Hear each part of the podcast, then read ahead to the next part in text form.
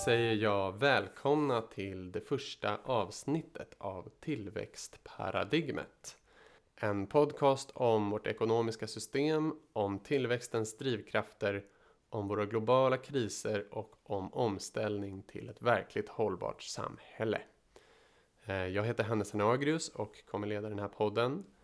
Och i dagens avsnitt kommer vi först prata om varför vi gör den här podden, Eh, varför tillväxtekonomi är viktigt att prata om. Sen eh, kommer vi beröra några av de ekologiska globala kriser vi står inför, hur de eh, samverkar och hotar till exempel matförsörjningen. Och så lite om hur energi hänger ihop med tillväxt och om exponentiell tillväxt. Och i slutet blir det lite andra perspektiv man kan ha på ekonomi. Idag har jag också med Johan Langgren här på Skype. Tjena, tjena! Tjena Johan! Kul att du vill vara med. Ja, tack för att jag fick vara med. Eh, jag ska strax eh, presentera dig. Bara lite om min bakgrund.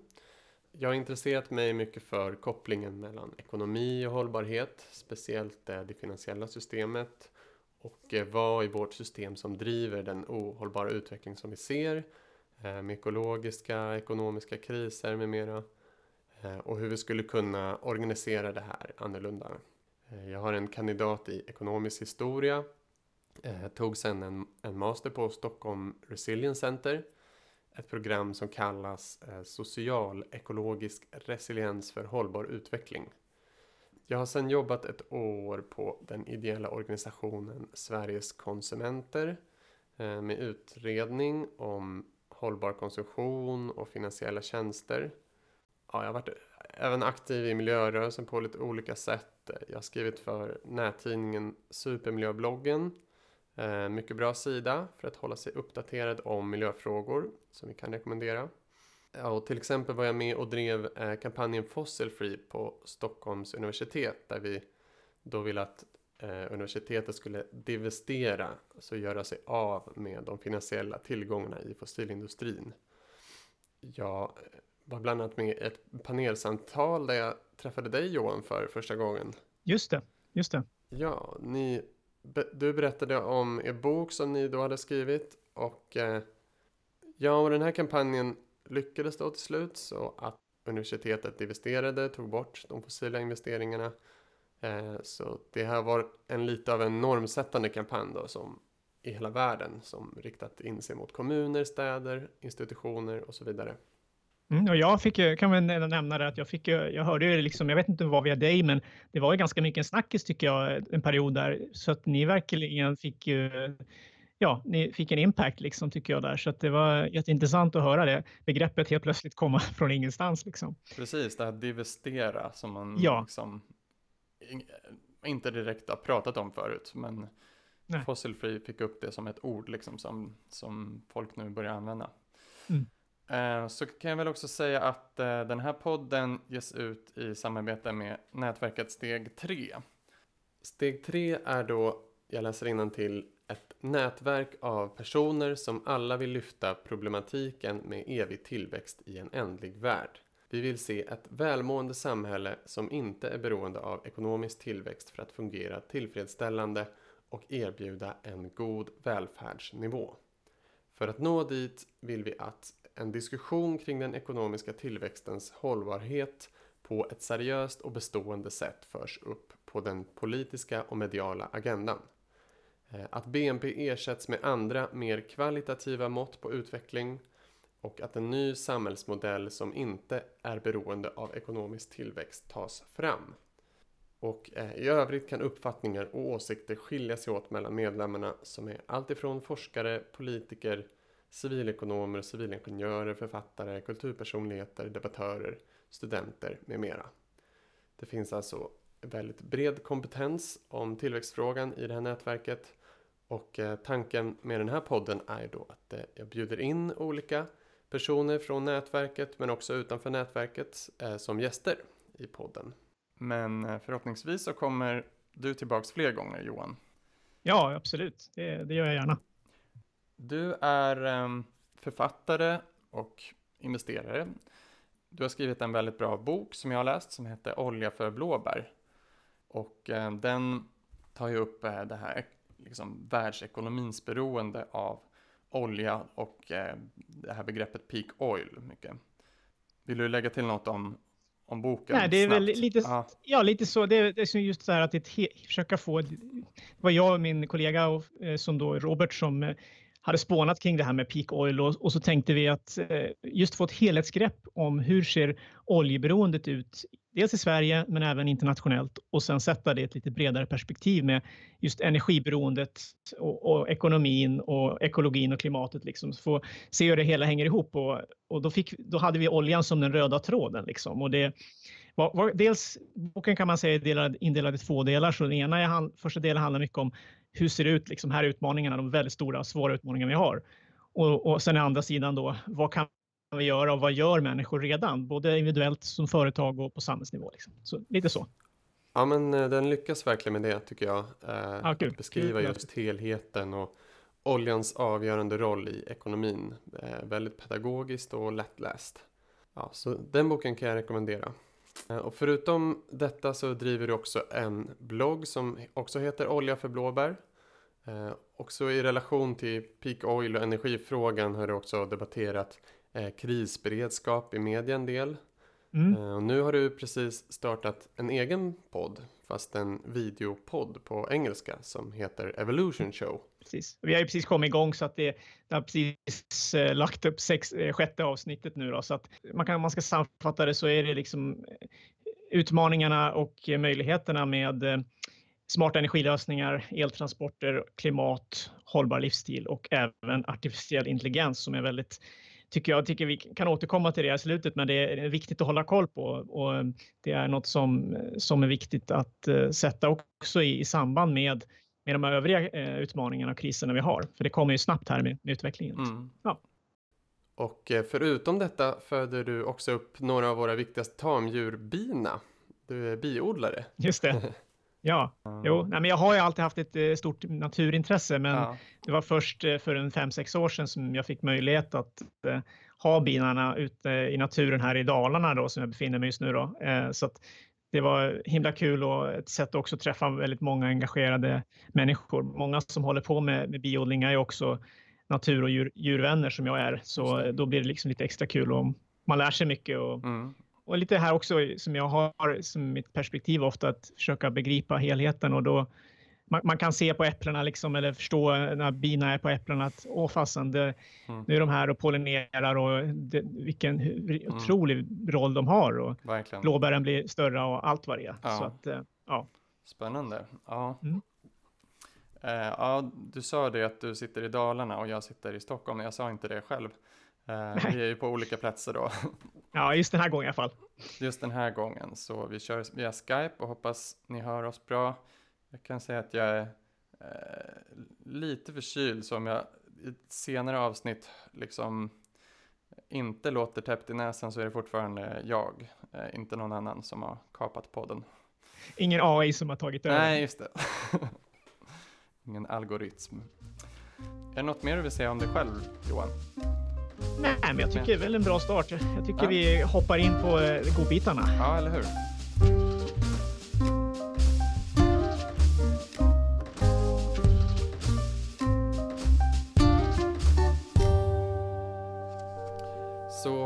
Här blir ju ett introduktionsavsnitt. Eh, jag tänkte först nämna några anledningar till att jag har velat starta den här podden. Eh, några frågeställningar som också medlemmar i steg 3 har undersökt. Och först den här föreställningen om tillväxt. Var, var kommer den ifrån? Och varför sägs det att ekonomin hela tiden måste växa? Vad innebär det? Och gör, gör det verkligen att vi får det bättre? Hur länge kan ekonomin växa? Eh, är grön eller hållbar tillväxt verkligen möjligt? Kan vi organisera ekonomin så att avstannad tillväxt inte drabbar folks försörjning, skatteintäkter, skapar instabilitet och kriser med mera. Och eh, finns det verkligen inga andra möjliga ekonomiska system än någonstans på skalan mellan ohämmad kapitalism eller eh, centralstyrd planekonomi? Och varför handlar den mesta politiken om att skapa jobb Det finns ju redan massa viktiga saker som behöver göras, men vi ska ändå liksom hitta på nya typer av jobb. Varför är det så? Jobb är väl liksom något som man gör om något verkligen behöver göras. Alltså industrier borde väl inte finnas för att skapa jobb utan för att skapa produkter som folk behöver. Och sen hur kan det sägas att vår ekonomi strävar efter effektivitet när vi slänger så otroligt mycket saker och använder mängder av energi till att skeppa grejer fram och tillbaks över jordklotet. Eh, samtidigt som vi aldrig verkar få den här tiden som, försöker, som vi försöker spara hela tiden. Vi liksom stressar bara vidare. Och eh, så det här med pengar. Varför sägs det ofta att det finns för lite pengar? Pengar är ju ingen resurs utan ett bytesmedel. Medan verkliga ändliga resurser behandlas som att det finns oändligt av dem. Vem kontrollerar och skapar våra digitala pengar? För vems skull finns egentligen det här växande finansiella systemet som vi har? Det är några av frågorna som vi kommer ta upp i den här podden. Mm. Jag tänker också bara kan nämna att jag tycker det är en väldigt bra idé att starta en sån här blogg just för att mm. dels du, du fokuserar på, ja podd, förlåt, ja, förlåt, ja. podd menar jag, men som fokuserar på tillväxt för det är mm. ju eh, kan vara lite svårt att förstå i början och se, mm. se samband, men när man väl börjar tänka så är det inte så klurigt ändå, utan det gäller att hitta exempel och se kopplingarna bara så, så eh, ja, då blir det mer överskådligt och, och jag tror att, ja, nej, men jag tycker det är en, en bra idé, så det är därför jag är med. ja, jag håller med. Um, nej men precis, det är lite så här när man frågar random person på, på gatan så, så här, kan vi ha oändlig tillväxt i en värld med ändliga resurser? Så här, då, de flesta säger nej, det, det verkar inte riktigt möjligt liksom. Uh, men frågar man politiker, ekonomer och så, då, då är ju tillväxt eh, fortfarande det dominerande tankesättet. Mm. Liksom. Och ofta när man är på, jag har varit på många så seminarium uh, där, det här kommer upp först i slutet, liksom, det, här, ja, men det här har med det ekonomiska systemet att göra. Uh, och så kommer man aldrig in riktigt på det liksom. Mm. Varför är det så? Nej. Och när det väl ska handla om tillväxt så pratar man ofta om det här alltså BNP-måttet. Som egentligen alla är överens om att det är liksom, det är inte något bra mått på välfärd, det tycker inte ekonomer heller. Men jag tror, jag kan flika in bara att mm. jag tror många börjar se också det här som man brukar prata om att naturen skickar fakturorna nu, liksom att mm. vi har på något sätt något, börjar gå in i resursväggen på så många plan. Det går liksom inte längre att eh, sopa under mattan och eh, till och med politikerna börjar mer och mer eh, liksom känna trycket. Eh, Greta Thunberg är ju bara en konsekvens av det. Eh, hon är helt fantastisk, men det är ju ändå ett, tiden har på något sätt mognat och, och eh, vi når någon sorts kritisk massa på många sätt. Um, så att det, det, det, är nog inte så förvånande. Därför tror jag också att det här är verkligen viktigt att, att ta tag i och prata om liksom, uh, och sätta det i ett sammanhang. Liksom, sådär. Mm. Ja. Mm. ja, jag håller med. Och eh, tillväxten i stort kan man väl säga att den, den ligger liksom under ytan ofta, även om man inte pratar explicit om den så är det liksom man ser det lite som en naturlag, liksom, att vi förväntar oss alltid mm. att ekonomin ska växa varje år och medan vi liksom inte behandlar de verkliga naturlagarna vi har i samhället som att, som att de liksom existerar riktigt. Ja, men det är väl några av anledningarna till att jag och du Johan och steg tre eh, vill att det pratas mer om tillväxt.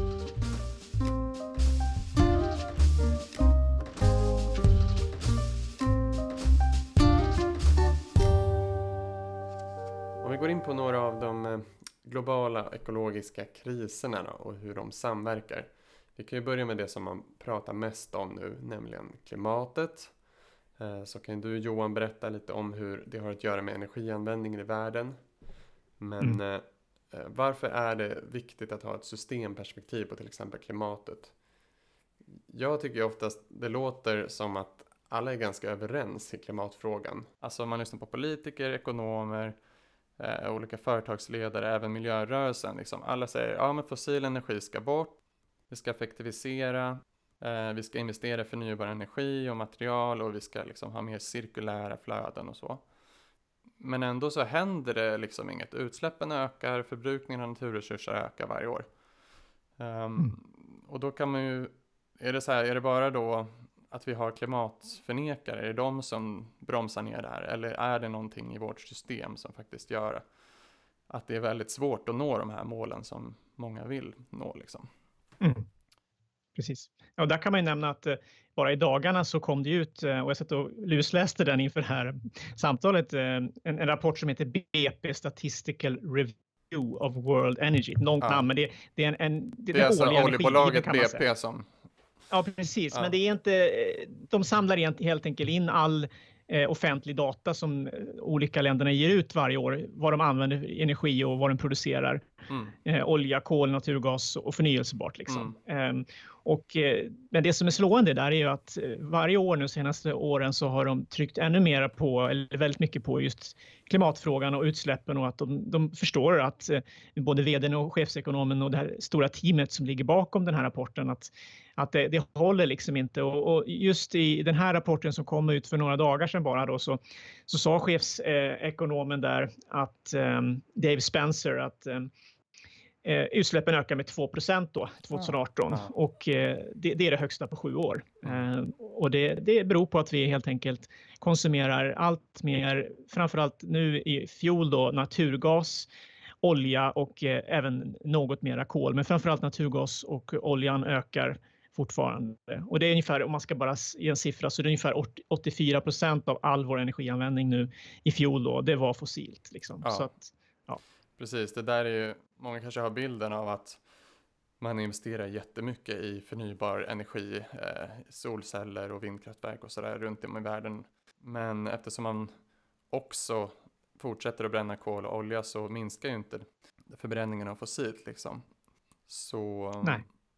Ja, det är bara att vi använder mer och mer energi helt enkelt. Ja, och för att bara knyta till det som du pratar om mm. med tillväxten, att kakan växer hela tiden. Ja. Så att eh, det hjälper liksom inte, alltså det hjälper ju naturligtvis, det är jättebra och det tar de också upp att den, mm. den ökar jättemycket förnyelsebart, mm. framförallt i Kina ökar väldigt stor, mm stor del. Men de fortsätter ju samtidigt att växa som ekonomi. De, de konsumerar mer och då mm. blir det att de behöver använda kol och naturgas, framförallt kol i Kina då, och ja. där över hälften av världens kolanvändning faktiskt är i bara Kina. Ja. Eh, så att det, mm. det, är liksom, det är svårt för dem att få den här ekvationen att gå ihop. De försöker ju naturligtvis och gör stora steg framåt som är viktiga. Men man får liksom inte glömma, som du verkligen tycker är viktigt att trycka mm. på, när vi, det ligger där under ytan som du säger. Tillväxten den, man säger inte rakt ut, men det är den vi måste adressera. Vi måste se på, prata, skapa ett nytt ekonomiskt system för att hur man än vänder och vrider på det här så, så, så vi kan inte fortsätta. Vi har liksom inte fyra, fem planeter. Det, det, så är det bara. Precis, vi kommer in på det där eh, att vilka som står för de mesta utsläppen, att det är väldigt ojämnt fördelat i världen. Ja. ja men jag tänkte nämna lite kring våra, liksom, hur olika ekologiska kriser är sammankopplade idag. Och för mig så är det mest konkreta och eh, som jag känner är liksom det största hotet egentligen, är kanske för att det är lättast att, att greppa, det är liksom kring matproduktionen. För den är ju då både hotad av klimat, eh, klimatet eh, som förändras, men också hotat på andra sätt. Till exempel så FNs Food and Agriculture Organization, FAO, har visat att en majoritet av matjordarna i världen eh, är antingen okej okay eller riktigt dålig eh, kvalitet. Mm. En tredjedel är inom spannet liksom dålig kvalitet. Mm. Och de försämras hela tiden. Och det här är på grund av inte bara klimatet utan eh, erosion. Det är sättet som man, som man brukar jorden, liksom. försaltning, försurning. Jorden blir mer kompakt och mer näringsfattig. Eh, och eh, det är olika kemiska föroreningar och så. Mm. Och där kommer vi till oljan, om man ska nämna något, så är det ju, de tillsätter ju jättemycket kemikalier och, som är oljebaserade och det, det liksom ja. dränerar ju näringen ur jordarna. Så att det, ja. Och så kör man, du vet, monokultur eller man kör väldigt få grödor på samma område så att det blir, du får bara en viss typ av näring i, i jordarna. Så att, eh, ja, nej, ja, så det där är, exakt. Och det hänger ihop där. Med klimatet så om man bortser från de här uppenbara, liksom, att vi kommer få mer torka, mer översvämningar, även mer ökade angrepp från insekter och sjukdomar i och med klimatförändringar, Så också de liksom viktigaste grödorna vi har, sädeslag, majs, ris och soja, eh, mm. de, den produktiviteten minskar liksom eh, vid varje grads uppvärmning. För de är anpassade efter det klimatet som vi har haft i flera tusentals år. Man kan liksom inte bara flytta upp dem en breddgrad i, i världen liksom. För vi har ju byggt städer och vi har, det är inte så lätt liksom. Nej. Och sen är ju vår matproduktion, det är ju inte bara det här liksom man stoppar in med arbete, eh, maskiner och olja i ena ändan och så kommer det ut mat på andra ändan, utan matproduktionen är ju beroende av fungerande ekosystem. Tänker jag, alltså ekosystem innefattar ju jordbrukslandskap, städer, allt det där är ju ett liksom socioekologiskt system. Mm. Och eh, de här ekosystemen förstör vi ju nu som du sa med hjälp av att vi odlar enorma monokulturer med bara en typ av gröda där liksom många arter av insekter, annat liv i jorden, svampar och mikroorganismer och så inte liksom är eh, anpassade till och vilda djur av olika slag är inte anpassade till monokulturer och sen mängder med bekämpningsmedel liksom och de mest alarmerande siffrorna tycker jag eh, att man har beräknat att insektspopulationen i Europa har minskat med 80 procent, alltså mm. sedan 80-talet. En liten rättning i efterhand. Eh, ingen övergripande studie har gjorts på Europa, eh, men en stor studie visar att insektspopulationen har minskat med över 75 procent i tyska naturreservat. Och forskarna ser det som troligt att läget är lika allvarligt i liknande länder.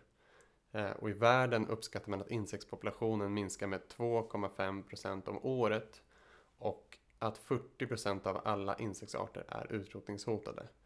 Eh, det är från en studie som heter Worldwide Decline of the Entomofauna, A Review of its Drivers.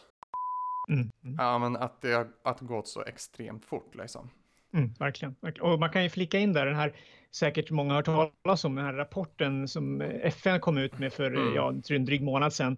Eh, den, jag kan läsa upp namnet om någon vill söka på den. Den heter Inter, de som har gjort den, är, det är en FN-rapport, men den heter Intergovernmental Science Policy Platform on Biodiversity and Ecosystem Services. Väldigt långt namn, men, men den handlar ju om just det här du sa och de pekar ju på att eh, det är framförallt eh, livsmiljöerna som mm. har förändrats för alla typer av djur. Men ja. Eh, men där säger de också att 70% av landförändringarna i världen är helt kopplade till köttproduktionen. Så mm. det, mm. det, går inte heller att undgå det. Jag, jag äter eh, lamm ibland och eh, mm. framförallt äter jag nästan, mm. nästan helt veganskt, men jag äter lamm och kött ibland. Och, men, men liksom, bara för att förklara med det. Men, men liksom det, det, det går liksom mm. inte att äta den andels kött som vi gör. Det, det funkar Nej. inte. Och, och de här livsmiljöerna då, om man ska säga någonting om det, så är det ju liksom som du sa, en miljon arter och det är ungefär 40 procent av eh, världens insekter som har försvunnit eller som hotas eh, de närmaste årtiondena. Eh, och, och liksom däribland då bina till exempel. Eh, Precis. Så att, ja. Och vi är ju, vad ska vi med insekter till kanske man några funderar över, men det är ju liksom en extremt viktig pusselbit i hela livsväven, hur allting hänger ihop. Alltså de är ju mat till massa olika djur för det första och sen det här med pollination ja. som du kan bra. Eh, men en tredjedel av alla grödor eh, är ju beroende av insekter som pollinerar dem. Precis. För att Precis. ge god skörd. Och ja. det här är ju bland de mest näringsrika grödorna som grönsaker och frukt och så. Ja, precis. Och sen är, man kan ju lägga till, många tänker, men vadå, det är ju två tredjedelar vi kan leva på resten eh, om det skulle behövas. Men då är det indirekt jättemycket eh, som den pollinerar till då eh, boskap och så som får i sig grejer då, klöver och allt möjligt som gör att då skulle de få brist på mat den vägen och då får vi också brist på mat i och med att vi äter kossorna liksom. Så att det är ju liksom mycket mer komplicerat och mer omfattande än så. Men, men även om det bara är blott en tredjedel av allt vi äter så är det ju liksom allt från tomater till jordgubbar och eh, kaffebönor och det finns så mycket Visst. grejer som vi skulle vara utan liksom. Och, så att eh, om vi ens kan vara utan, det där är liksom en Nej. ren spekulation att påstå ens att vi skulle kunna Precis, vara utan insekter. att vi skulle gå runt och pensla alla blommor ja, med, med hand liksom. Det är Hallå, nästan liksom. orimligt. Um, ja. Och så förutom det, om man tittar på alla ryggradsdjur så har populationen minskat med 60 procent sedan 70-talet. Och i världshaven eh, så är det tror jag hälften som av liksom allt liv, eh, alltså mängden och populationen liksom, mm. som har eh, ja, försvunnit. Det, när man säger försvunnit låter det som att den bara Ja, den har utrotats av, av oss helt enkelt. Vi har ju fiskat ju... upp den liksom. Det är ju det ja. eh, som är den ja, stora. Eh, det är inte bara det, men det är den stora faktorn ja. liksom i, i haven. Mm. Eh, och landförändringar, jordbrukssystemen är den stora liksom, förändringen på land. Och sen, eh, ja vad man kan säga apropå matproduktion då också är ju att den är, det kommer ju du in på sen, men den är extremt beroende av fossila bränslen. Man vi transporterar maten över hela världen med hjälp av fossila bränslen. Och mm. inputen i jordbruket är ju också väldigt mycket traktorer och konstgödsel och allt det där eh, drivs mycket på av fossila bränslen. Och sen mm. eh, input också av fosfor som är eh, en av liksom eh, huvudingredienserna i konstgödsel. Då. Mm. Eh, som också är en, en ändlig resurs. Så både ja. olja och fosfor måste vi ju sluta använda eh, så småningom. Eller fosfor ska vi ha i jorden såklart, men man kan ju få det från förnyelsebara källor liksom. Ja, och sen mm. jag kan också bara nämna för att folk ska få liksom sätta det i en mm. relation till någonting, det här med mm. matproduktion och olja. Så man kan säga att ungefär vart, alltså vart eh, eh det går åt 10 kalorier för varje kalori som vi energi vi stoppar in eller för varje, så här, mm. varje, ma varje kalori mat vi äter ja. så går det åt 10 kalorier fossil energi, framförallt naturgas och olja då. Ja. Som, så att det är ju, då räknar man med liksom transporter, produktionen och mm. Eh, material och allting ända fram till tallriken när du äter den. Liksom. Mm. Så all, allt mer räknat, då, då blir det, går det åt 10 gånger så mycket energi för Just. att vi ska fossilt då, då, för att vi ska få i oss den där mm.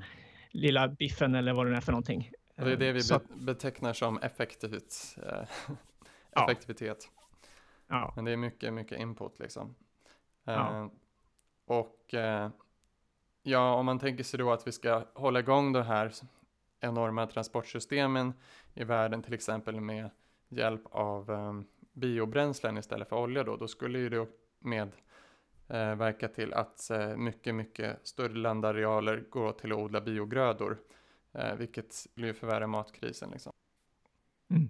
Plus, ja. Plus att, då, att det, ett, man nämner ju ofta inte det, men man, vi, vi, måste ju gå till negativa utsläpp. Vi, kan inte, vi, vi står på, vi står på liksom minus på kontot. Vi är skyldiga naturen så att säga. Eh, och det är inte så att vi kan liksom bara ha status quo, utan vi måste ju öka tillförseln eller upptagningen av koldioxid. Och det tar ju också tid, så att om du odlar hugger ner träd så tar det ju ett antal årtionden innan det, det trädet kan ta upp lika mycket som det du högg ner. Mm. Så det är inte bara att plantera massa träd och sen, och sen hugga ner massa på ett annat ställe. För det, det, liksom, det går inte på ett ut liksom. Nej, precis. Uh, jag, jag tycker det här med biobränslen är ett bra exempel på vårt tillväxtberoende.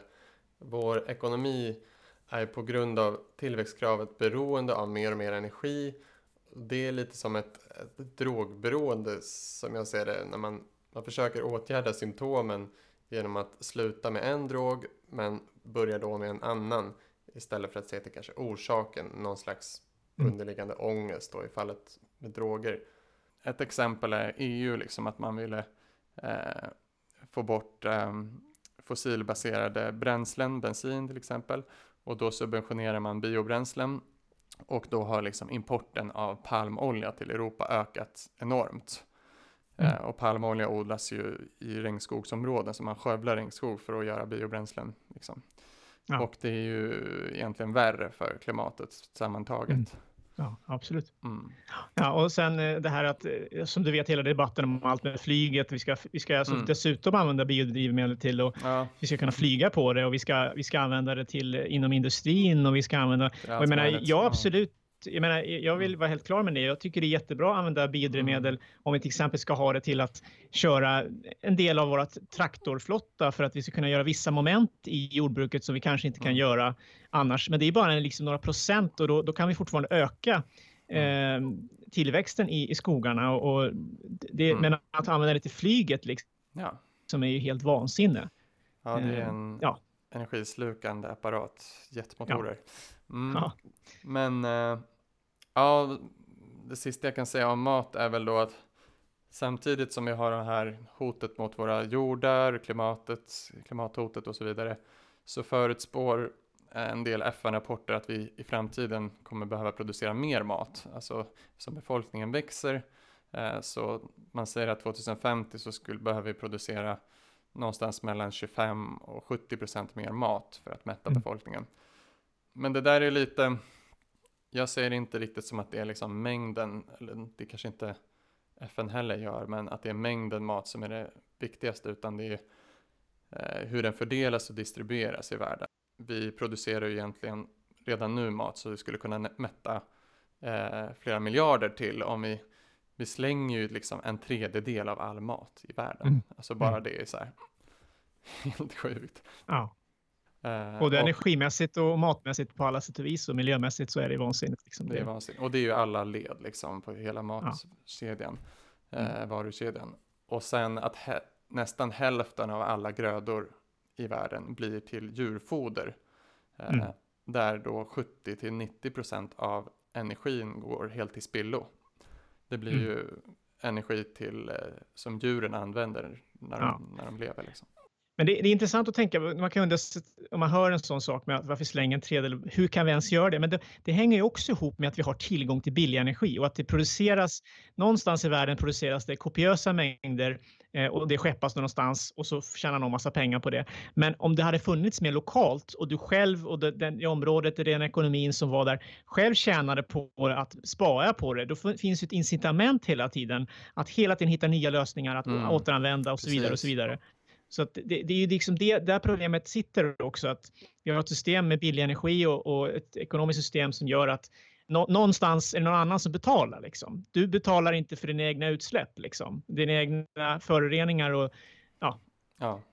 Så att eh, det är därför det är som det är. Liksom. Verkligen. Och det är ju framförallt den fattigare delen av världen som betalar allra mest för klimatets konsekvenser idag. Mm. Det är bara titta på nyheterna om Mosambik till exempel, där hela, mm. mm. hela städer låg under vatten och där de har väldigt lite möjligheter att bygga sig ett, ett nytt liv. Men för att nämna något positivt då, ja. Eh, ja. apropå jordbruk och det här du nämnde med negativa utsläpp. Ja. Jag tycker att jordbruket är speciellt intressant för att det både är en stor orsak till landförändring, artutrotning och växthusgasutsläpp men att det också finns en stor potential att jordbruket skulle kunna vara en del av lösningen på många hållbarhetsproblem. Mm. Vi vet ju att växter fångar in koldioxid men mer kol finns faktiskt lagrat i marken än i alla mm. växter mm. och i atmosfären tillsammans. Eh, till exempel innehåller inget ekosystem mer kol än de nordliga barrskogarna där stora kollager finns i marken vilket frigörs vid intensiv avverkning. Eh, jordbruksmark släpper idag också ut massa växthusgaser när vi plöjer och gödslar med mera. Men det skulle kunna binda kol i marken istället och då också förbättra jordarna. Mm. Eh, några metoder är ju till exempel att eh, plöja mindre, odla fleråriga mm. växter, använda biokol och så vidare. För graden av organiskt material i jorden ökar jordens förmåga att producera mat långsiktigt. Liksom. Det motverkar erosion, det mm. gör så att vi står bättre emot klimatförändringar, mm. Eh, kan hålla kvar mer vatten och näring i jorden, vilket också minskar övergödning. Eh, det kan filtrera vatten så att vi får renare färskvatten. Vi blir mindre beroende av konstgödsel som vi idag importerar i Sverige. Och dessutom ökar vi biologisk mångfald. Ja. Eh, det finns en bra FAO-rapport om det här från 2017 som heter Soil Organic Carbon, The Hidden Potential. Ja, det var väl det om ekologiska kriser då.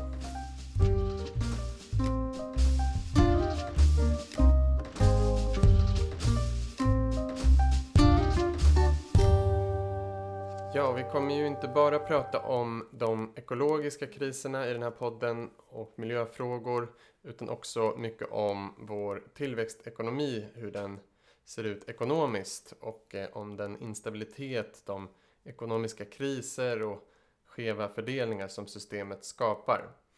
Jag tror många delar den känslan med mig att något är ju lite skevt i vårt ekonomiska system. Särskilt då efter finanskrisen 2008-2009 hade nog många den känslan. Eh, när det visade sig att vi byggt upp stora finansiella luftslott som sen rasade. Men de här inbyggda problemen är ju inte lösta. Och systemet omfördelar hela tiden tillgångar från majoriteten till en liten, liten grupp ägare av tillgångar. Eh, Oxfam har ju visat det här i sina studier med helt bizarra siffror eh, där 26 miljardärer äger mer tillgångar än den fattigaste hälften av jordens befolkning. Alltså 26 oh. pers liksom. Ja. Och där kan man ju flicka in, eh, som jag, jag läste den rapporten, det finns ju, eh, men en del har svårt att ta till sig det här med fördelningspolitik och tycker att ja, men så här är det ju, det här, den osynliga handen ska lösa det hela som eh, och så vidare. Eh, men, men eh, om vi bara bortser från den biten och, och, och tittar rent liksom, bara titta på det här, så här vad, vad, har vi för resurser? Eh, hur kan vi liksom klara det här in i framtiden? Och, och då så nämner de där att i den här Oxfam-studien som kom 2015. Du kan säkert lägga in en länk till det sen där om du har, kan folk hitta på det. Men den rikaste 1 procenten står för 30 gånger mer utsläpp per capita än den fattigaste 50 procenten eller 175 gånger mer än den, 10, än den fattigaste 10 procenten. 175 gånger mer utsläpp. Ja. Ja, per capita. Mm. Eh, än den fattigaste 10. Och, och eh, menar, bortsett från att bara det är helt skruvat så, så det håller liksom inte för att de fattigaste länderna de eftersträvar samma typ av levnadsstandard som oss. Eh, och de, vare sig det gäller konsumtionsvanor, produktion och så vidare. Eh, och, om, och vi kan ju inte förneka dem den rätten. Eh, vi har liksom i, västvärlden konsumerat, producerat olja och kol och så vidare i 200 år liksom på en nivå som är, ja. Eh, men, men om de skulle fortsätta på samma nivå, skulle de fortsätta och växa eh, vilket de gör nu då, till exempel Indien och så, eh, då skulle vi behöva 4 till 5 jordklot. I Sverige lever vi någonstans 4,2 jordklot producerar vi eller konsumerar vi som om vi hade då. Precis. Och det är framförallt flyg och konsumtionen. Ja. Mm. Konsumtion, ja precis. Och, och, i USA leder man som man hade fem liksom. Och det har mycket med att de konsumerar mer fossil energi där så att, och de större bilar och större sådär. Eh, och, och, och men det, det går inte ihop. Och, och den, extrapolerar man den här utvecklingen med att länder så som Indien, jag tänkte komma till det som, som ett exempel sen, om de fortsätter att konsumera eh, fossil energi och även andra resurser i världen så kommer de en vacker dag gå om Kina. Eh, och Kina står idag för ungefär 50% av all eh, kolkonsumtion till exempel och är största energikonsumenten i världen tillsammans med USA. Och det, den ekvationen rent, rent resursmässigt går liksom inte ihop bara. Så, det, så man kan bortse från, om man inte tycker att moralen är så viktig så kan man titta på det rent eh, matematiskt och ja. så, så, ställa upp det som ekvation och så Just. ser man att det går inte. Nej, man pekar ju ofta på att liksom utsläppen eh, har minskat i Sverige och då tittar man ju på, på inom Sveriges gränser eh, eh har utsläppen minskat lite, inte alls tillräckligt. Eh, de senaste åren. Och ehm, ja, de ökade ju till och med 2018. Ehm, men, mm. Eh, ja, men där har det minskat lite över tid. Men tittar vi på då liksom det vi köper så är det ju eh, som du säger, vi konsumerar som om vi hade fyra jordklot. och där har ju utsläppen ökat. Liksom. Ja. ja. Ja, där kanske, jag vet inte om du vill, ska vi glida in på den här? Jag tänkte man ska nämna den här rapporten lite grann bara för att få en liten bild mm. av Eh, Eh, hur läget ser ut liksom, i världen då med energi och som du nämnde det här med, med eh, utsläppen har ökat så kan vi bara säga det att det de konstaterar då eh, BP Statistical Review of World Energy 2019 då som tittar tillbaka på 2018. Så utsläppen ökade då med 2% och det är det högsta på sju år. Eh, och det som framförallt, framförallt hände i fjol, det var att naturgas, eller jag tycker det är fel att säga naturgas, för det är ingen naturgas, fossilgas. det är fossilgas. Ja. ja, precis. Den ökade med 5,3 procent och det är alltså den högsta nivån sedan 1984. Eh, mm. Eh, och eh, framförallt så, det, det, är alltså USA som har ökat, där det ökade med 10,6 procent. Det är helt enormt på ett år alltså. Eh, och när det gäller oljan så steg Men har man inte minskat kol eldningen också då i USA? Eh, jo, eh, förvisso eh, så har man eh, kolanvändningen minskat något. Efterfrågan på olja har ökat med 1,5 procent och 4 procent har den ökat i, med kol eh, i världen. Då. Mm. Och då är det Indien och Kina som står för nästan hela den ökningen när det gäller kol och, och, in, eh, kol och eh, olja. Mm. medans, och, och då är det så att Indien har den alltså ökat när det gäller kolanvändningen har ökat med hela 8,7 procent. Eh, och, och, det är liksom mm. helt crazy för att mm. i, idag så, så, står de för 12 procent av världens hela kolkonsumtion. Mm. Och då tänkte jag, eftersom vi pratar om tillväxt här och kopplar mm. tillbaka till det, så eh, Kina står för 50 procent. Men om vi tittar bara på av kolkonsumtionen i världen, men mm. eftersom Indien idag står för 8,7 procent betyder det att på åtta år och fyra månader så kommer de dubblera det till 16 procent. Eh, om, alltså, förlåt, till 24 procent. 12 procent idag eh, och 24 procent då. Ja. Genom att ha den här 8 procent årliga, om vi bara le leker med yeah. den tanken. Yeah. Och sen en dubblering till om 16 år. Då är de uppe alltså i, i Kinas nivå. Ja. Det vill säga, då skulle de konsumera hälften av, av all eh, kolkonsumtion och då mm. skulle Kina och Indien ensamma, mm. alltså teoretiskt sett, eh, har konsumerat, konsumerar hela världens. Ja, så ja. det visar liksom det här med dubbleringar och tillväxt att ja. det, i det här ja. fallet ha, har man 8,7 procent på ett år och så tar man det gånger åtta, då får du dubblering på, på mm. eller så då får du på åtta år så har du dubblerat det. Ja, vi kan komma in på det med exponentiell tillväxt. Uh, mm. Var det något mer du ville säga om den här ja, rapporten? Jo, bara några ja. exempel till. Jo, eh, det, det, som är intressant och som slår mig i den här rapporten som jag tycker folk ska reagera på, det är att eh, chefsekonomen som Dave Spencer som eh, varje år sammanfattar den här rapporten. Eh, han säger att det är väldigt oroväckande dels att eh, vi ökar med utsläppen med 2% och det högsta på sju år. Men vad som är mest oroväckande det är när man funderar på vad det här beror på. För att i fjol så hade vi en, en lägre ekonomisk aktivitet än världen än året innan och det borde ha fått hållit ner energikonsumtionen och, och, och därmed utsläppen. Men eh, vad han såg var att i framförallt USA, eh, Ryssland och Kina så har vi haft också rekord när det gäller både eh, värme, antal dagar per år med hög, extrem värme och samtidigt antal eh, dagar med extrem kyla. Man brukar inte ha de två samtidigt samma år. Men vad det innebär är att i, i USA till exempel så använder man naturgas när man eldar eh, för uppvärmningen. Och, för, och det går alltså till elanvändningen då för att ja, värma, värma upp husen och även för att kyla ner ventilation och med eh, aircondition. Och, och, det innebär ju om man då tänker sig att utvecklingen med klimatet kommer fortsätta på det här sättet. Han säger ju det själv att om vi leker med den tanken att ja, vi kommer få extrem värme, ja, mm. extremer, både varmt eller kallt, mm. då betyder ju det att vi kommer använda mer fossil energi. För så ser ju energimixen ut i de här länderna, ja. de här tre största liksom. Um, och, och, det är väldigt oroväckande för mm. att han säger det kan vara så att det här året som var var mycket mm. väderrelaterat, att det var en engångstillfälle. Men vi kan inte liksom utesluta att det faktiskt är kommer bli mer och mer så. Och det tyder ju all klimatforskning på också att att vi kommer få se mer extremer eh, av alla, alla typer av, ja. av väder och så. Eh, så Men det, det, det här är ju ett, det mm. bygger mm. på att vi liksom eh, som du sa innan att vi har den här billiga energin att, att, att, att mm. använda för att oavsett om vi vill värma upp våra hus eller vi vill frys, eh, kyla ner våra hus mm. så det finns inte tillräckliga incitament att minska energi, liksom, även om vi skulle kunna göra det. Liksom. Nej, nej, och det är svårt att hitta substitut på kort sikt liksom, eh, som är billiga. Och jag, bara sista mm. nämna, för mm. många tänker ju att USA då, ja, de har ju så mycket skifferolja och att det, det liksom, de använder också skiffergas då, som det är det som de konsumerar för att få upp den här naturgaskonsumtionen i, i fjol då. Det är eh, men, alltså fracking och Ja, precis. Det som man eh, håller då, på med, man pumpar ner gas i marken så, ja, så precis. ska få upp den här svåråtkomliga liksom oljan ja, och gasen i, i, marken. Ja, ja. Och, och där är ett stort problem för att många har ju gjort antagandet att för USA som står för, för den största delen av oljeökningen i produktion i världen senaste åren och, och speciellt om man, om man kopplar tillbaka till finanskrisen som du sa så innan dess så var det alltså Eh, rekordhöga oljepriser. Så det var också en viktig del till, att finanskrisen bröt ut. Och sen, sen, sen där 2007, 2008 så har de, USA då stått för, USA och Kanada, USA har stått för ungefär 70 procent och eh, Kanada för 30 procent av hela världens ehm, eh, oljeökning då, produktion.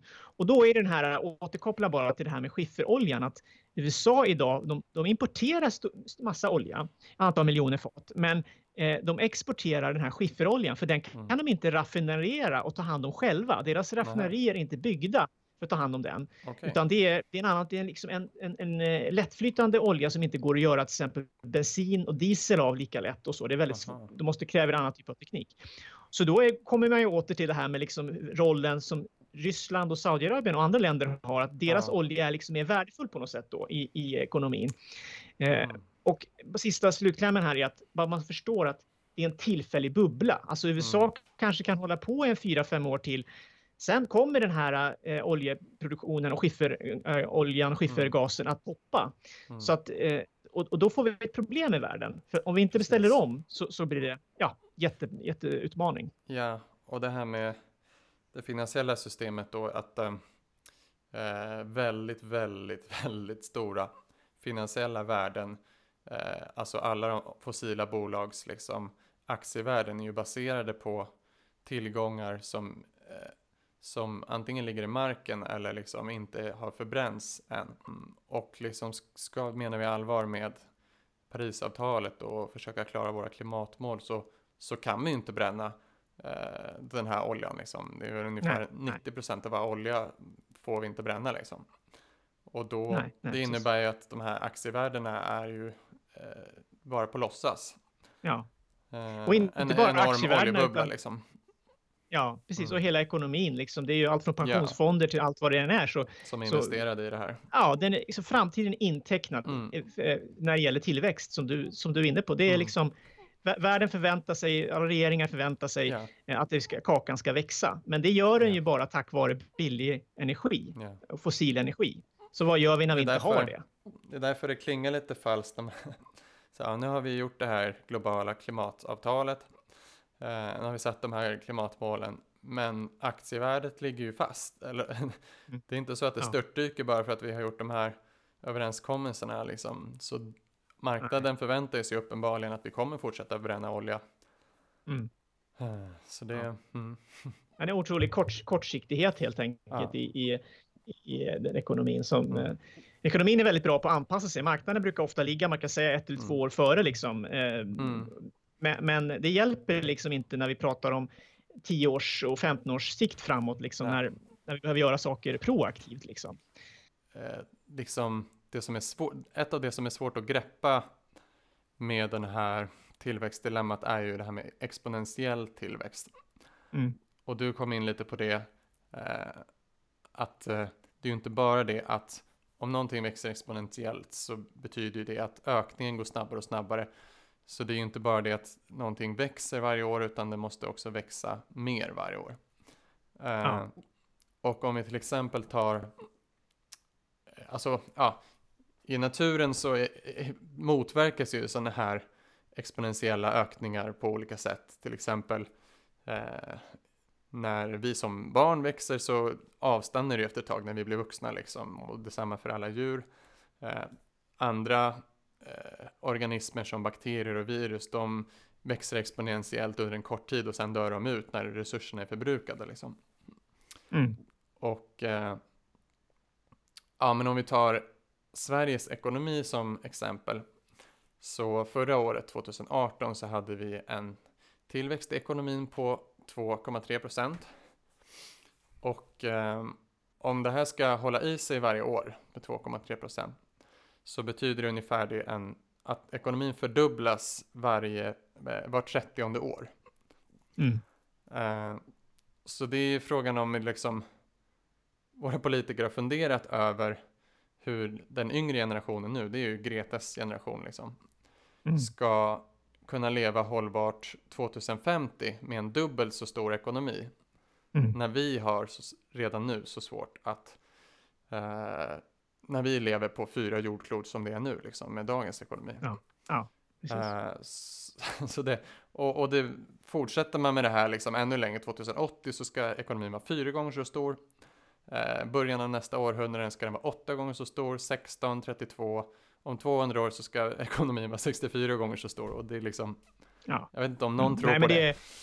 nej, men jag tror att problemet är att eh, när jag tänker efter, när jag hör dig säga de här orden så tänker jag eh, 30 år tänker någon, vad fan det är ju långt fram. Det, det är ju inte så, ja men det, för vi har sånt liksom perspektiv. Ja. Eh, ofta liksom att vi, man är alltså man är så upptagen med sin egen ja. lilla värld och ja. Man har inte tid att reflektera det här liksom. Mm. Men, men det, och där kommer man tillbaka till... Men 30 en... år är inte så långt. Nej, är, jag, det är inte jag är 30 år. Absolut inte. Men uh, ja, precis. de som, de som liksom jag... är unga nu, de, de ska ja. jag ska ju också leva, tänkte jag i alla fall, 2050. Jo, jag med. Absolut. Precis, men, men, jo, precis, men man kan, jag tänker bara för att jag tror att man måste vara lite, tänka till att ja. vi, vi, kommer se effekterna och vi ser effekterna, men vi kommer se dem mer och mer varje år och vi kommer se dem de närmaste 5-10 åren. Så mm. även om vi säger att eh, någonting ska fördubblas inom 30 år så effekterna ser vi redan i början av kurvan ja, så att säga. Det är inte visst. så att det är sista året som, oj, sista minuten här så helt plötsligt så får alla en insikt om att det här gick ju inte, nu måste vi stanna alla fabriker och nu får vi gå ut och titta ut på himlen liksom. Utan det, det är långt, långt innan dess. Så, så länge vi växer eh, med ändliga resurser så, så kommer vi gå in i en vägg. Ja. Eh, och då är det slut. Liksom. Då, måste man, då det, får man anpassa sig till den och vi kommer, verkligheten. I senare avsnitt så tänker jag att vi kommer prata lite om den här föreställningen om grön tillväxt, att vi ska basera mm. tillväxten på andra saker, innehållet i ekonomin ska ändras. Ja. Uh, för det är ju liksom de motargumenten som kommer med det här. Ja, och, uh, frikoppling eller frikoppling som man kallar det. Ja, man frikopplar tillväxten från miljöförstörelse på olika sätt. Mm. Och det finns ju många svårigheter med det här liksom. Eh, ja. Man har inte lyckats med någon global frikoppling, man, det är bara enskilda länder liksom. Mm. Eh, men samtidigt så i Sverige så har vi ökat vår köpkraft och importerar mer saker som släpper ut någon annanstans. Liksom. Mm. Mm. Man kan bara koppla tillbaka så att man inte tror att vi bara pratar eh, och dystopiskt här, utan jag, jag vill ju även säga att eh, det, det, det, sker många framsteg inom till exempel hållbar energi och mm. Kina är verkligen duktiga och gör kör stenhårt med till exempel vet jag i en stad som heter Shenzhen som har 10 miljoner invånare, de har liksom 12 000 bussar. De har mer mm. än typ elbussar alltså, mm. än vad typ hela Europa har. Eh, och, och, och, de, och de, de har ju kniven mot strupen. De vet att de, städerna kan inte växa och de kan inte ha den här föroreningarna för då blir det liksom revolution i Kina. Mm. Eh, så att de försöker ju på alla sätt och vis eh, att göra det här men samtidigt så mm. växer kakan Eh, och då, då, blir det här att kol kommer bara som ja. av farten. Kolfabrikerna ja. öppnas nya. Och, bara råkade ja, öppna eh, fem, sex kolkraftverk. Det var inte meningen. Ja. Nej, precis. Nej, men lite så. Och det, eh, Vem så hade ansvar för det här beslutet? Mm, ja, precis. Men vi, alltså man måste satsa på förnyelsebart och allting, men vi måste ju ändra vår konsumtion och den, ekonomin måste ju bli mer cirkulär. Vi måste, ja. Allting måste återanvändas. Mm. Ingenting kan vi bara kasta någonstans på en hög för då ja. kommer högen växa och den kommer växa till slut så stor så att till slut är, är ja. jorden bara en stor soptipp liksom. Ja. Så att eh, ja, vi måste ta ett steg tillbaka och se vad kan vi göra på lokal, regionalt och nationellt, men ändå ha naturligtvis internationella samarbeten. Det är inte så att vi ska isolera oss från omvärlden, men vi måste i mycket högre grad eh, producera saker närmare oss, för då minskar mm. vi också miljöbelastningen. Det är liksom inte ja. konstigare än så. Nej. För att då ser vi vad är orsak och verkan liksom. Om du, måste, om du ser på din egen bakgård att du börjar få problem med det du kastar ut, mm. då kommer du ta tag i det, för du har inget val. Nej. Men om, om det är liksom bara, det räcker att det är 15 mil bort, så kommer du inte liksom se det. Nej. Och då, då, då, då, tar du inte tag i det. Precis, man, man, ja. man känner, det känns som att när man liksom lever i Sverige idag så känns det som att vi har gjort stora framsteg. Liksom. Det är ju renare luft och liksom, eh, mindre smutsiga industrier och sådär. Men ja. det, är ju, det sker någon annanstans istället. Ja, precis. Och man kan säga, om man ska ta ett exempel som jag tog i min bok, så är det liksom att från 70-talet så då bytte vi ut, kastade vi ut oljepannorna. Mm. Vi utökade kapaciteten med både vattenkraften och, och eh, eh kärnkraften. Ja. Eh, och sen, men vi, vi kör dubbelt så stora lastbilar och dubbelt så stora precis, bilar. Ja. Och, och boarean eh, per person i Sverige är liksom dubbelt så stor mot de flesta andra länder. Liksom. Vi bor i jättestora kåkar och lägenheter, liksom. Eh, vilket också är en enorm energibelastning. Eh, så att där finns det också saker vi kan jobba med. Liksom. Och jag tror att man ska börja tänka att det är inte så att det här inte går att göra. Vi har redan massa Nej. infrastruktur, massa energi inbäddad i våra byggnader och ja. allting. Så att det går ju att använda den. Men vi måste använda Precis. den på ett nytt sätt. Och, och, när vi bygger nytt och, och, gör så, då måste vi använda, tänka på ett helt nytt sätt. Liksom. Eh, ja, och apropå att tänka på ett nytt sätt. Eh, jag tycker den här tårtmodellen över hållbar utveckling som används bland annat i ekologisk ekonomi är väldigt bra. Eh, ofta beskrivs ju hållbar utveckling som en balans mellan det ekonomiska, sociala och ekologiska. Eh, men det är ganska miss, ett ganska missledande sätt att se det. Vi kan inte balansera helt olika saker med olika funktioner. Så i tårtmodellen så ligger eh, de ekologiska systemen, alltså biosfären, i botten som är grunden för allt. Mm. För utan liksom, naturresurser, bördig jord, ren luft, stabilt klimat, eh, pollinatörer etc. Så har vi varken samhälle eller ekonomi. Mm. Och sen ovanpå det så kommer det sociala systemet. Eh, för liksom, utan normer, institutioner och lagar, eh, kommunikation, hälsa kan också räknas mm. hit, eh, så fungerar ju in, inte ekonomin. Och så ekonomin som vilar ovanpå det sociala i form av tre tårtbitar liksom på varandra. Jag kan ehm, flika in en sak där ja, bara. Ja, gör det gärna. Om du vill. Mm. Ja, jo, men jag tänker, eh, det här pratar ju till exempel I.F. Schumacher om i den här klassiska boken Small is mm. beautiful som sen har skrivits om i en annan variation som jag tycker är, jag, nästan är, inte bättre så precis lika bra som, som eh, en av min favoritförfattare som heter ja. eh, John Michael Greer. Han har skrivit en bok ja. som heter The Wealth of Nature, Economics as if Survival Mattered. Och eh, den, pra den pratar liksom om det här som du säger att naturen är den primära ekonomin. Allt annat är den sekundära ekonomin som vi kan vi kan bygga mm. på den primära, när vi har resurser Precis. så kan vi bygga vidare på det. Vi kan förädla resurser och vi kan skapa tjänster utifrån dem till den, ja. liksom, och så vidare. Men så länge, alltså när vi får begränsningar i den primära i ekonomin, naturen, då är det det som styr. Och vi har ju liksom försökt vända på det här teoretiskt i olika modeller, mm. framförallt då för att vi ska kunna prata om tillväxt som någon sorts mm. oändlig eh, liksom, utveckling.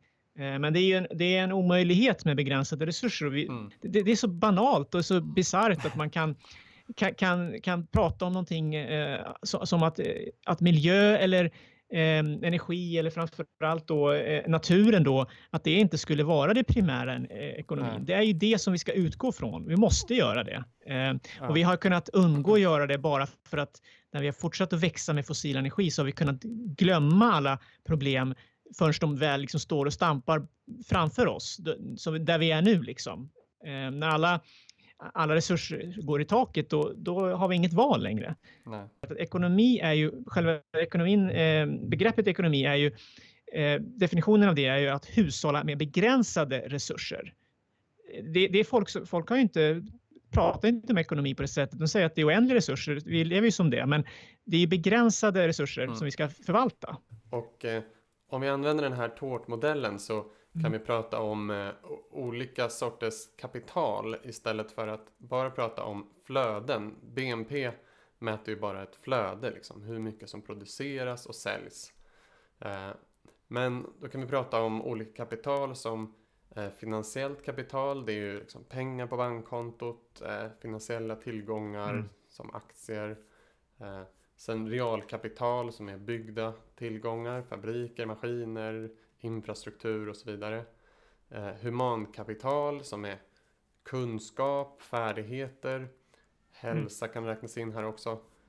Och så socialt kapital som är mellanmänskliga relationer, tillit, normer som gör att vi kan samarbeta med varandra. Och så eh, naturkapital som är då fungerande ekosystem som är grunden för allt annat. Mm. Um, och BNP och tillväxt mäter ju bara när resurser omsätts och blir till finansiellt kapital. Uh, men om samtidigt till exempel naturkapital och socialt kapital minskar så mm. blir vi ju inte rikare.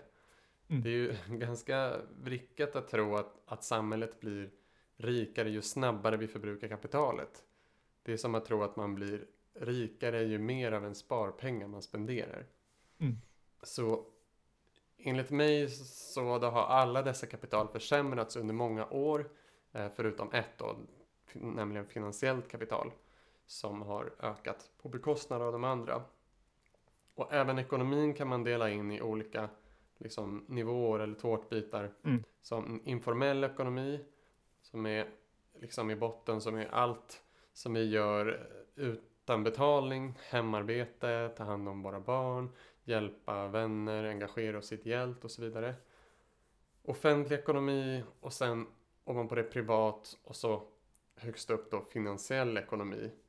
Och eh, eh vårt ekonomiska system nu gröper ju ur eh, först den informella ekonomin genom att eh, relationer blir varor på Facebook, mm. hemarbete blir rutarbete och så vidare. Man verifierar mer och mer. Mm. Och det, det offentliga privatiseras eh, och även privata investerare övergår ju till att investera mer resurser i finanssektorn, alltså utlåning mm. och spekulation och så vidare, än i den privata reella ekonomin. Så att alla kapital som den här tårtan ska balansera på eroderas underifrån liksom, för att pumpa upp det här finansiella kapitalet på toppen. Mm. Så till slut så tippar ju tårtan liksom. Mm. Eh, men om vi istället satsade på tillväxt av de verkliga resurserna, alltså mm. förbättra mm. naturkapitalet, socialt kapital och humankapital, då hade vi en ekonomi som faktiskt förbättrade våra liv långsiktigt. Ja. Eh, om vi ska ha en eftersträvansvärd samhälle som är hållbart, mm. Då kanske det är andra saker som ska växa, till exempel välmående och hälsa och fritid ja. och jämlikhet och allt där liksom. Mm. Vi kan få mer tid att göra saker som vi brinner för och vara med varandra liksom. Ja, precis. Uh, ja, och där finns det ju vä olika vägar man kan tänka sig Alltså, vi kan ju kanske prata om en annan gång liksom i detalj, mm. men just att hur kommer automatiseringen påverka det här? Kommer det mm. Gå, dra till sin, extrem? Liksom, som, kommer det bli att liksom en AI totalt förintar oss? Eller kommer det bli att vi mm. manipuleras in i ett, i ett nytt tredje världskrig? Eller kommer det bli något fantastiskt? Liksom? Kommer mm. det kunna frigöra just tid för, för mm. oss? Och kommer vi kunna ha maskinerna som ett, eller AI då, som ett komplement till oss, som, som hjälper oss? Eh, det kan det också bli. Eller mm. får vi det här scenariot att vi går eh, parallellt med det här då, liksom mer lokalsamhälle, mera produktion och, och tjänster sker mm. mera lokalt och, att det då går mot, som du säger, att vi, vi får en, en möjlighet att att uppleva saker och, och som du säger, hälsa och, och, ja. och, så. Att det är det som är våra mål och inte hur mycket snygg och stor bil du har, ja. utan det blir andra värden liksom. Uh, ja, och jag ska bara, om jag får säga något som jag vill avsluta med, eller som mm. jag tycker man kan hålla i minnet, liksom att eh, jag har precis läst biografin av Leonardo da Vinci av Walter ja. Isaacson. Okay. Och, och, jag, jag, är väldigt så fascinerad av honom, Leonardo da Vinci och så. Mm. Men jag, det jag tar till mig av honom mycket och så, det är att han, han tänker inte bara outside the box, utan han vågar liksom ifrågasätta och säga att liksom, ta, jag struntar i om hur vi har byggt den här maskinen eller hur vi har gjort förut. Jag tar ett blankt papper och så gör jag så som jag vill, vill tänker att så här vill jag göra. Liksom. Och sen, sen så testar jag utifrån naturens lagar. Bryter det mot naturens lagar? Nej, det gör inte det. Men okej, okay, men då ser jag om jag kan göra det här. Ja. Uh, och, och, jag tror lite så vi ska tänka att mm. med de här utmaningarna vi har framför oss, det är inte omöjligt att, att hantera det, men vi måste liksom våga bara ta ett steg bakåt och, och tänka att okej, okay, nu har vi de här förutsättningarna. Hur ska vi göra för att det här ska bli bra? Liksom? Eh, och det, det, är liksom, man får inte tro att bara för att det här är det här är liksom den största utmaningen vi någonsin haft. Det ska vi inte sticka under stol med, liksom, med alla kriser som vi har. Men det betyder inte att vi inte kan Alltså människan har fantastisk förmåga. I sina mm. bästa stunder så är människan helt fantastisk. Och då gäller det ju då att utnyttja den förmågan till det bästa sättet. Så vi inte bara kastar bort energi och i tankar på sånt som är bara helt meningslöst. Liksom. Och vi är väldigt bra på att anpassa oss efter nya förutsättningar. Alltså, ja. Kan vi undvika att, att, att liksom förändra oss så, så gör vi ofta det. För eftersom många i alla fall är bekväma liksom, av natur. Men när vi väl är inne i en omställning så anpassar vi oss väldigt snabbt. Liksom. Och mm. det här med exponentiell tillväxt kan ju också man betona på ett positivt sätt. Att saker kan ju förändras väldigt snabbt. Eh, ja, det blir ringa på vattnet liksom. Ja, och förändring mm. är, är, är det naturliga. Det är att, att, eh, alltså ett konstant tillstånd, så har det aldrig varit. Utan sen kan det ske olika snabbt. Men det, det är liksom att, och, och, att vi måste inte vänta på att det ska bli 70 procent av världen ska göra någonting. Utan man, man brukar säga att kanske, kanske räcker med 15-20 procent. Sen mm. rör sig resten av flocken. Ja. Det är inte så att eh, alla sitter stilla och de ser att men shit, det där var ju bättre. Det där Precis. de har gjort där var ju fantastiskt. Då, då, då kommer folk liksom att göra saker. Mm. Mer än vad vi kanske ens kan drömma om. Så jag är optimistisk om att... Example. Ja, ja. Jag, jag, jag, kan inte gå runt och tänka att, att det är kört, utan så funkar inte jag. Även jag, det betyder inte att jag inte ser alla extremt stora utmaningar vi har. Men, men jag kör ända in i kaklet. Liksom. Det, så funkar jag. Jag tror många andra liksom, eh, kan göra det också. Eh, liksom på ett bra sätt. Då. Man har alltså ju liksom inget att förlora på att jobba mot ett mer välmående Nej. samhälle. Det är liksom, om man fokuserar på det vi vill ha, eh, i värsta fall så får vi ett, ett bättre samhälle innan allt kollapsar. liksom. Ja, ja men visst. Precis. Kollaps är också någonting som liksom, eh, man kan göra mer eller mindre bra. Alltså, alla, liksom, ja. All miljöförstöring som vi kan undvika kommer vara värdefullt för, för oss och för framtida generationer. Liksom. Så det, det är aldrig kört helt. Liksom. Nej, Per Holmgren har en jättebra förlossning man kan ta med och det är att han säger att det minsta man kan göra är så mycket som möjligt. Ja. Eh, och jag tycker det är väldigt bra mm. fångat mm. liksom. Det, det, säger ungefär det man, ja. Mm. Det var bra sista, ja. sista ord. Ja, ja, men... Då säger jag tack för den här gången Johan. Så ses vi säkert i ett eh, senare avsnitt. Ja, men kul att komma hit. Eh, vi pratar ju och spånar om allt möjligt, så det finns ja, ju det... många vinklar på det här. Och... vi fick med en del. Alltså. Ja, och kanske en annan gång om man får önska något så pratar jag gärna lite mer om, om AI och kopplingen till hållbarhet, för jag tror att det är ja. något som ganska få pratar om och Jättegärna. även just det här med kopplingen ja. till, till tillväxt också, det, det hänger ihop liksom. Ja. I allra högsta grad liksom. Så att... Jättegärna. Mm. All right. Kul. Ha det bra Johan. Yes. Tjingeling. Hej. hej.